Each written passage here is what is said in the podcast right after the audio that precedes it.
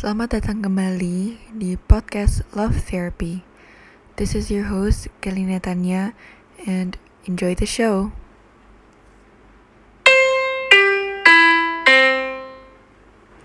Wah, welcome back nih ke podcast Love Therapy.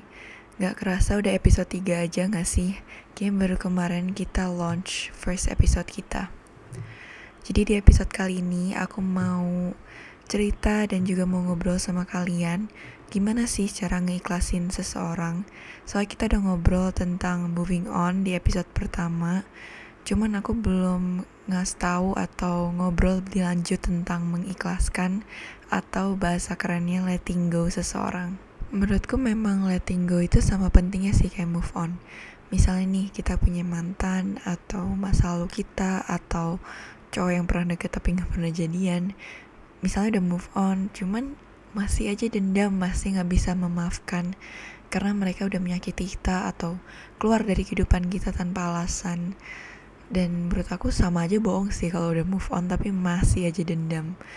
Jadi menurut gue sama pentingnya ngeikhlasin memaafkan dan move on itu sama. Dan karena di episode 1 kita udah bilangin udah cerita tentang move on kita cerita tentang mengikhlaskan di episode 3 kali ini aku bakal cerita tentang cerita aku tentang mengikhlaskan dan juga tips and tricks gimana aku cara mengikhlaskan orang-orang tersebut yang udah lalu dari kehidupan aku.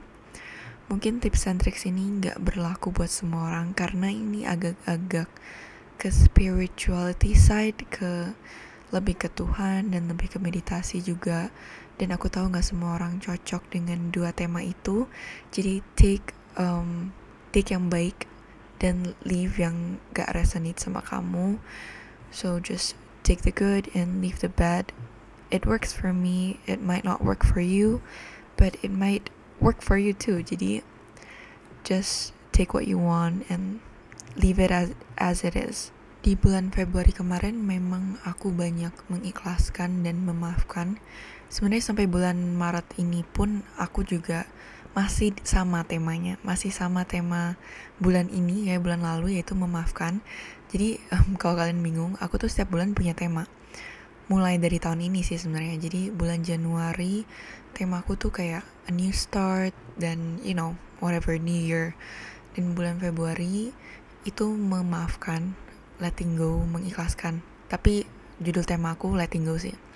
Dan sama aja juga bulan ini letting go dan healing lebih tepatnya tapi tetap aja ada letting go nya um, bulan lalu sih lebih banyak fokus ke letting go nya bulan ini lebih ke healing tapi juga tetap ada letting go balance 50-50 gitu.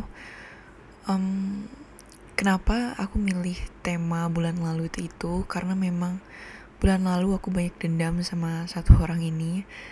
Dan pada akhir bulan aku udah ma maafin sih. Sampai sekarang pun aku sebenarnya udah memaafkan orang itu. Tetapi tetap aja kadang aku ngerasa dendam dan ngerasa kayak it's unfair. Kayak kenapa sih itu terjadi ke gue? Gitu. Masih sih kadang ada pikiran itu dan ada thought itu. Dan menurut gue makanya tema bulan ini masih tetap letting go tapi ditambahin healing juga. Um, aku tahu aku punya self care account di Asate Milk di Instagram sorry. Judulnya Asate Milk.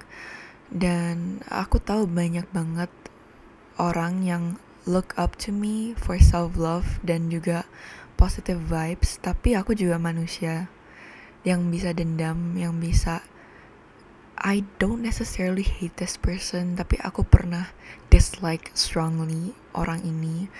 Aku juga manusia yang gak mungkin aku bisa selamanya gak marah selamanya um, positif terus. Aku pasti juga ada di satu titik yang pasti pernah mengeluarkan energi negatif ataupun merasa dendam ke orang. Tapi tenang aja aku ngerasa dendam ke orang ini karena sebuah alasan yang kuat dan sebuah alasan yang valid. Bukan bukan karena just because aku pengen dendam sama orang ini. Enggak aku punya alasan yang menurut gue valid dan aku nggak mungkin dendam sama orang kalau misalnya nggak ada alasan yang valid.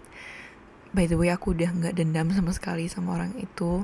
Cuman aku lebih ke apa ya lebih ke banyak pertanyaan yang kenapa sih lu harus kayak gitu sama gue? Udah tahu itu salah tapi tetap dilakuin dan kenapa itu terjadi ke aku gitu. Padahal apa ya aku merasa kayak aku udah merasa jadi orang baik tapi kenapa aku tetap aja mendapatkan itu gitu loh. Ya ya aku ngerti lah. Kayak aku juga manusia aku juga pasti dapat perlakuan unfair. Walaupun aku udah baik sama semua orang juga it doesn't mean aku nggak bakal dapat perlakuan jelek sama sekali and I understand it. Tapi aku selalu ingat sama quote ini kita tuh nggak bisa kontrol apa yang orang lain ngelakuin ke kita. Apa yang kita bisa kontrol itu reaksi kita terhadap perlakuan orang lain ke kita. Bener banget sih kita memang nggak bisa mengontrol apa yang orang lain bakal bilang ke kita yang ngerasa ke kita. Orang lain mau jahatin kita kita nggak bisa kontrol sama sekali karena it's out of my control. Dan kita juga nggak tahu mereka tuh melaku mau ngelakuin itu gitu loh. Apa yang kita bisa lakuin itu cara kita reaksi cara kita membalasnya itu gimana? Mau kita positif mau kita negatif cara reaksinya itu tuh up to us gitu loh. Maksud aku itu kalau misalnya kita mau reaksi secara positif yaitu ya mengikhlaskan, memaafkan orang itu, tapi kita juga bisa melakukannya, melakukan yang negatif, yaitu merasa dendam, membalas dendam, ngomong jelek tentang orang itu, dan ataupun bisa secara fisikal juga, tonjok-tonjokan lah atau tawuran atau gimana. Tapi itu balik lagi ke diri kita masing-masing dan pasti ada perasaan kesal dan marah di first place. Dan kita juga manusia gitu loh kita nggak bisa me, apa ya menghindar dari perasaan buruk. Tapi what we can do afterwards is turn it into a positive outcome maksud aku dari positive outcome itu jadiin pelajaran aja misalnya. Misalnya ini ada yang nyakitin hati kamu ditinggal lah tanpa alasan sama cowok gitu. Ya kamu belajar aja dari pelajaran itu. Ya satu pelajarannya adalah jangan terlalu cepat percaya sama cowok. Dua jangan gituin orang lain. Aku selalu kayak gitu sih. Aku selalu ingat yang kedua. Kamu misalnya ngerasa tersakiti oleh suatu perbuatan yang orang lain lakuin ke kamu kamu ingat itu baik-baik. Kamu jangan ngelakuin itu ke orang lain. Karena kamu tahu betul itu nggak enak dilakuin itu sama orang lain. Jadi jangan ngelakuin hal yang sama ke orang lain. Dan ini sih bagian yang susah itu tidak melakukan hal yang sama ke orang lain. Jujur aja itu susah. Karena orang ini ya orang yang sudah apa ya hurt me. Aku kadang mikir sih aku pengen gitu juga ah ke orang lain. Aku pengen orang lain tuh tahu rasa sakit yang sama kayak aku gitu. Tapi at the end of the day apa sih keuntungan lo kayak gitu sama orang lain? Apa sih positive outcome yang lo dapetin dengan menyakiti orang lain? Nggak ada yang ada lu malah dibenci sama satu orang baru. Dan it's not a good thing gitu loh. Dibenci not mungkin orang itu nggak necessarily benci kamu tapi yang pasti tersakiti dengan perlakuanmu. Kamu pasti nggak mau loh diingat dengan orang yang pernah menyakiti hati orang lain. Aku sih maunya diingat sama uh, jadi orang yang baik bukan jadi orang yang pernah menyakiti hati orang lain. Aku sih nggak mau diingat sebagai orang yang buruk gitu. Jadi and I know it's really hard not to do the same thing yang orang pernah lakuin ke kamu yang jahat itu aku pernah kok punya pikiran untuk melakukan hal yang sama ke orang lain. Kayak enak aja lu lu bisa gituin ke gue masa gue nggak bisa gituin ke orang lain? Tapi gimana ya? Lagian apa sih untungnya? Gak ada untung un dengan menyakiti hati orang lain. Dengan ngelakuin hal jatuh gak ada untung sama sekali. Yang ada dosa lu nambah ya iya. Dan mengikhlaskan ini menurut aku butuh waktu yang lama aku pernah ngeikhlasin seseorang itu setahunan kalau nggak salah. Move onnya sih nggak terlalu lama. Tapi mengikhlaskan dan memaafkan dan tidak merasa dendam itu poin yang paling penting. Itu butuh setahun buat aku buat memaafkan orang ini. Dan ini sebelum orang yang barusan nyakitin aku ya ini sebelumnya ada orang lagi yang meyakitin aku and it took me one year dari 2019 sampai 2020 Oktober. Jadi dari 2019 Oktober sampai 2020 Oktober aku baru beneran bisa maaf maafin dia. Dan aku baru bisa kayak ketemu dia tanpa merasa kayak kes kesel gitu. Dan I'm really proud of myself gitu. Dan jadi, jadi ingat it's not an easy journey. Bakal ada hari yang kamu benci banget sama dia tapi bakal ada hari juga yang kamu ngerasa kayak oh wait I don't hate him anymore gitu loh or her. I don't hate him or her anymore. Tapi besokannya kamu bisa ngerasa benci lagi. Dan it's a roller coaster it's an up and down ride and it's okay to not feel okay. It's okay buat ngerasa dendam kadang. Just remember that it's not an easy ride. Tapi you'd get there. You'd eventually get there karena nggak ada ujian yang bersifat selamanya. Jadi mungkin buat aku setahun tapi mungkin buat beberapa orang itu bisa dua tahun tiga tahun empat tahun lima tahun. However long it takes take the time you need. Dan tapi bisa juga lebih cepat kok. Mungkin ada beberapa orang yang sebulan dua bulan tiga bulan dan itu tergantung sama kita sendiri. Jadi jangan samain time aku sama time kamu karena kita dua orang yang berbeda dengan dua kisah yang berbeda jadi jangan samain aku sama kamu sama sekali Oke, okay, so now we're gonna get to the part yang pastinya kalian pengen denger dari tadi. Jadi gimana sih Kel cara mengikhlaskan orang? Gue udah tahu nih udah mau ngikhlasin orang ini. Terus gimana dong caranya? Nah, aku punya beberapa tips and tricks dari aku personally. Ingat, mungkin tips and tricks ini nggak work di kamu. Jadi please, please, please just take what you need to take and leave yang kalian nggak perlu ambil. So, first of all, aku punya meditation atau meditasi. Mungkin buat kalian yang gak meditasi, you're gonna hate this step. Tapi aku juga pernah kok di posisi kalian benci sama meditasi. Ya ampun, kayak gila apaan sih orang tua banget meditasi. Tapi sekarang aku udah dua tahun, dua tahun meditasi nonstop setiap hari aku harus meditasi. Mau lima menit doang atau aku biasa averagely aku meditasi 10 menit tapi ada sih beberapa hari yang aku pengen meditasi cuma 5 menit kayak misalnya aku udah telat mau sekolah aku pasti meditasinya 5 menit doang atau aku lagi males gitu aku meditasi 5 menit atau bahkan aku kadang cuma breathing doang 3 menit atau 5 menit. Itu kalau lagi males meditasi males starter pack itu breathing. Aku pakai aplikasi Calm. Calm bisa Tide bisa apa lagi satu ya namanya? Apa ya Squarespace? Eh Square Squarespace mah itu at di YouTube. Tunggu dulu aku mau cari dulu. Headspace guys namanya. Hmm, bodoh memang. Headspace. Headspace itu meditasi app pertama aku. Tapi sekarang aku pakainya cuma Tide doang. Atau di YouTube sih biasanya.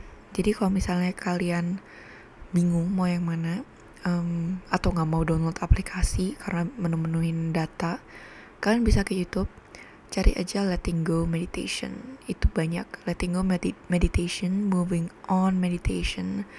Cari lakuin setiap hari setiap pagi atau setiap malam sebelum mau tidur. Aku biasa pagi sih aku nggak bisa meditasi malam-malam.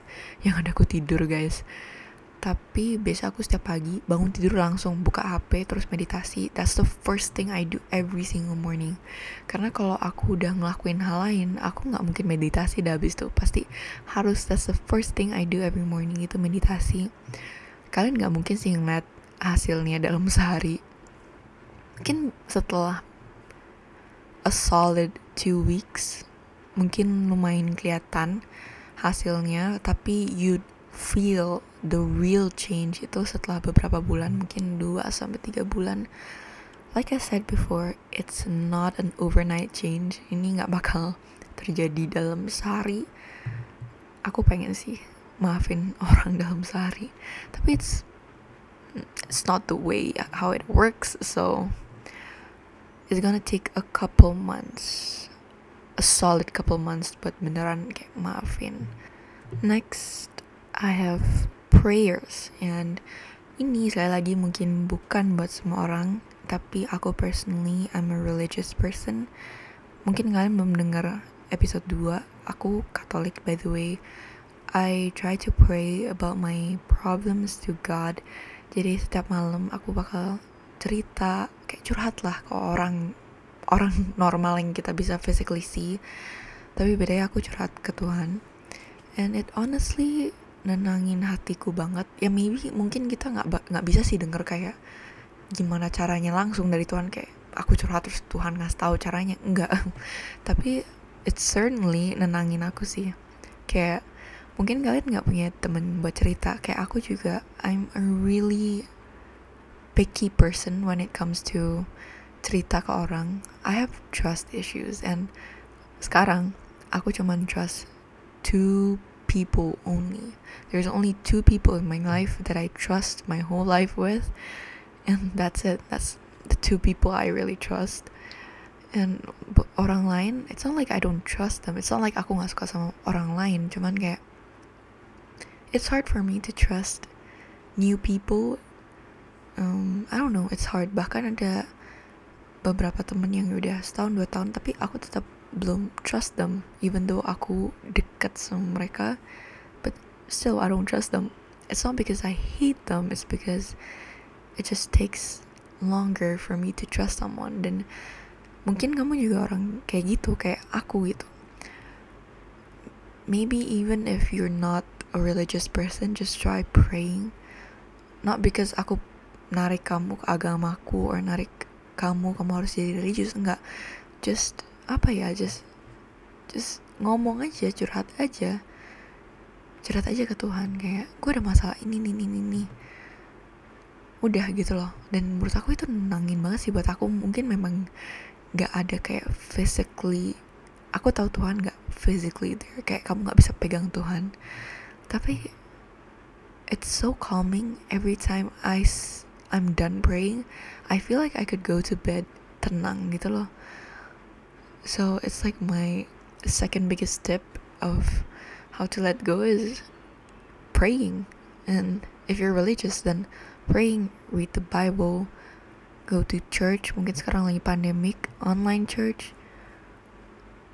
Really, God is a really good escape from the hustle and bustle of your life and I really recommend you to do it and aku tahu ini bukan buat semua orang sekali lagi so if you don't resonate with this don't take it. Just take what resonates with you. Oke okay, kalau yang ini aku yakin semua orang bisa lakuin. Itu make a Pinterest board. I know it's weird. Make a Pinterest board Kelly. That's weird. That's a weird thing to do. I know it's a weird thing to do. Cuman wow. One of the most calming things I can do is make a Pinterest board. Jadi kan kamu lagi dendam nih, kamu lagi marah sama orang ini, kamu lagi oh my god, pokoknya lagi kacau perasaanmu. Make this one specific board yang isinya foto-foto yang bikin kamu happy, like your dreams, your dream house, dream job, dream vibe, kayak vibes, you know what I mean? Kayak kamu pengen ke titik itu gitu loh. And pin semua foto yang apa yang kamu pengen terus kamu taruh di board itu yang positive vibes lah intinya. And look at it when you're feeling down. Look at those pictures when you're feeling down. Kayak I wanna get there gitu loh. Aku pengen di titik itu. Kayak aku pengen di titik di mana aku bisa beli misalnya rumah sendiri yang kayak gini lah yang estetik lah yang minimalistic or whatever. Terus misalnya kamu pengen misalnya pengen jadi lawyer and kamu juga pin foto-foto lawyer foto-foto buku lah and it just makes me happy looking at those pictures. And kalau udah selesai dendamnya ya udah hapus aja boardnya. Tapi I still have that board. Um, judulnya tuh Dream Life. And every time I look back at it kayak rasanya itu tenang banget. Rasanya itu kayak positive vibes only. High energy vibes only. And it can make you forget about the shitty things in life. And another thing is make a Spotify playlist, both sad songs and good vibe songs. Jadi yang sad itu buat you know songs to cry to kayak kamu dendam sama orang ini jadi kayak you know you're sad about it. So just make a playlist about that. But also make a good vibes playlist. Jadi kayak songs that you instantly dance to when you hear it. Kayak dance songs lah or you know like happy vibe song jangan yang I love you but I'm letting go. Jangan kayak gitu ditaruh ya guys. Kayak jangan there's other songs the happy songs. And listen to it when you wanna feel happy but then I know kadang kita pengen nangis so listen to the songs to cry to playlist when you wanna cry. It's okay we sometimes wanna cry you know tapi fun fact aku susah sih nangis. Um, kalau nggak terlalu worth it buat ditangisin aku nggak tangisin sih. And so far I've only cried once because of this guy so it's a good thing. Uh, it's a good thing because he isn't that worth it to be crying about. So but if you if you're someone who cries a lot just make a songs to cry to playlist I'm pretty sure ini juga tip yang keempat ini semua orang bisa ngelakuin, tapi there's two ways to do it. Jadi yang tip keempat ini tuh keep track about your feelings, keep track about your feelings. Jadi um, kalau misalnya kamu punya orang yang buat dicurhatin, you have someone trustworthy, curhatin lah, curhatin semuanya, bla bla, nangis atau apa pun, curhatin, and you ask them to keep track about your feelings. Jadi biasanya tuh orang lain tuh lebih peka tau gak sih terhadap feelings kita? Karena kadang kita pengen deny gak sih? Kayak deny. Kayak gue udah maafin dia tapi sebenarnya lo masih dendam gitu. Biasanya orang lain tuh bisa lebih bisa lihat daripada kita. Dan kalau kau punya orang yang buat bisa buat diajak kayak eh liatin dong um, gue udah move on nih gue udah move on belum? Atau gue masih dendam gak sih sama orang ini? Liatin kayak reaksi aku setiap kali ngomongin dia atau kayak you know like liatin aja sih gue kayak keep an eye out of me. Tapi kalau kamu you don't trust a lot of people and you just don't want to really tell anybody about it kamu bisa um, pick one notebook and just journal it. Journal about your feelings mungkin pertama setiap hari lah setiap hari for two weeks and then kamu bisa dua hari sekali terus jadi tiga hari sekali empat hari sekali lima hari sekali enam hari sekali seminggu sekali terus jadi dua minggu sekali jadi pelan pelan you're letting go slowly slowly but steadily so yeah if that's if kamu nggak punya temen or nggak punya saudara atau nggak punya family member yang kamu mau ceritain keep a journal keep track about your feelings, how you're doing each day. Tapi if you have someone that's better, soalnya biasanya orang lain bisa lebih lihat daripada diri kamu sendiri. Biasanya itu kita kayak dipakein kacamata hitam gitu loh kalau ngeliat feelings kita. We we just apa ya kayak kita kayak ngebagus-bagusin feelings kita kayak Ih, udah tuh udah gak dendam udah tuh udah move on tapi sebenarnya belum gitu loh belum masih dendam atau belum lo masih stuck with that person so usually having someone else looking at your feelings is a better idea than having a journal yourself. Karena biasanya lebih kelihatan kalau lu masih dendam atau lu belum move on. Lebih kelihatan sih sama orang lain. Apalagi kalau orang itu memang kenal banget sama lu gue yakin lebih kelihatan lagi. Sebenarnya itu aja sih tips and tricks yang aku punya. And just do those things and konsisten itu kunci kalau kalian niatnya cuman kadang yang gak selesai-selesai toh. Tapi konsisten. Mungkin lama tapi konsisten. Jadi sabarin aja. Hal yang indah itu butuh proses yang panjang. Jadi tolong tolong jangan kayak aduh pengen cepet selesai pengen cepet let go pengen cepet move on. Please it doesn't work that way. Just give it time kasih feelingsmu waktu untuk berproses kasih feelingsmu waktu buat memaafkan karena dengan seiring berjalannya waktu bakal maafin sendiri kok. Kalau kamu memang niatnya memaafkan yakin deh sama aku. Kalau memang niatnya memaafkan ya pasti ada jalan keluarnya. Dan ini aku punya satu quote yang belakangan ini aku suka kirim ke teman-temanku ini ada satu quote yang aku ketemu gak sengaja di Pinterest tapi change my life. Never beg for love.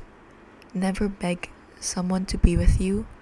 Never beg for attention, commitment, affection, time, and effort. Never beg someone to come back or stay. You should never have to feel asked to feel wanted. Begging is demanding and degrading. If someone doesn't willingly to give you these things with their arms wide open, they aren't worth it. No one, under any circumstances, I repeat, any circumstances, is ever worth begging for. Jangan pernah beg. Apa bahasa Indonesia beg? Apa ya? Kok aku lupa tiba-tiba? Maksa ya?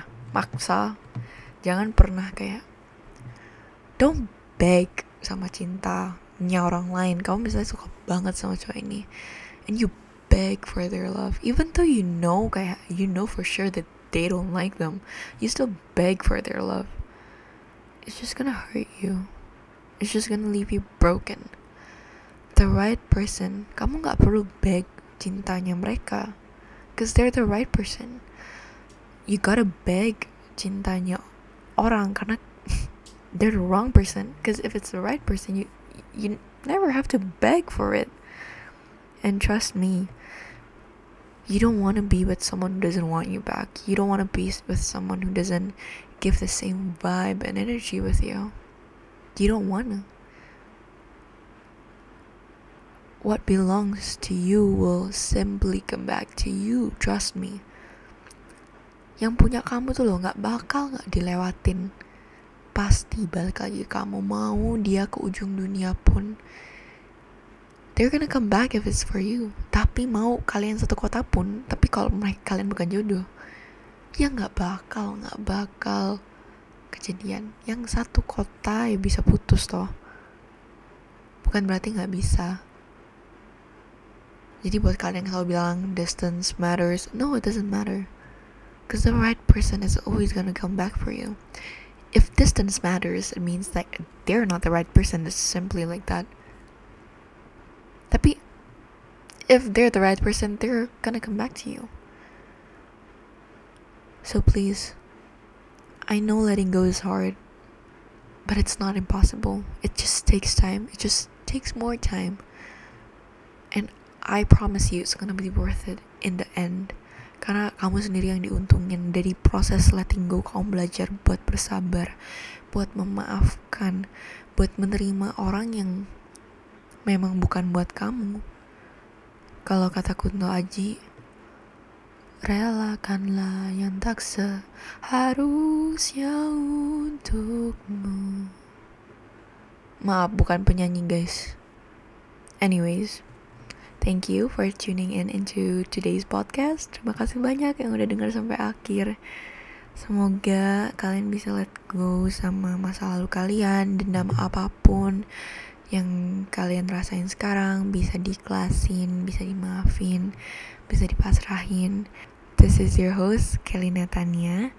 Thank you so much for tuning in Love Therapy episode 3 dengan tema Letting Go today. Bye bye, see you next time.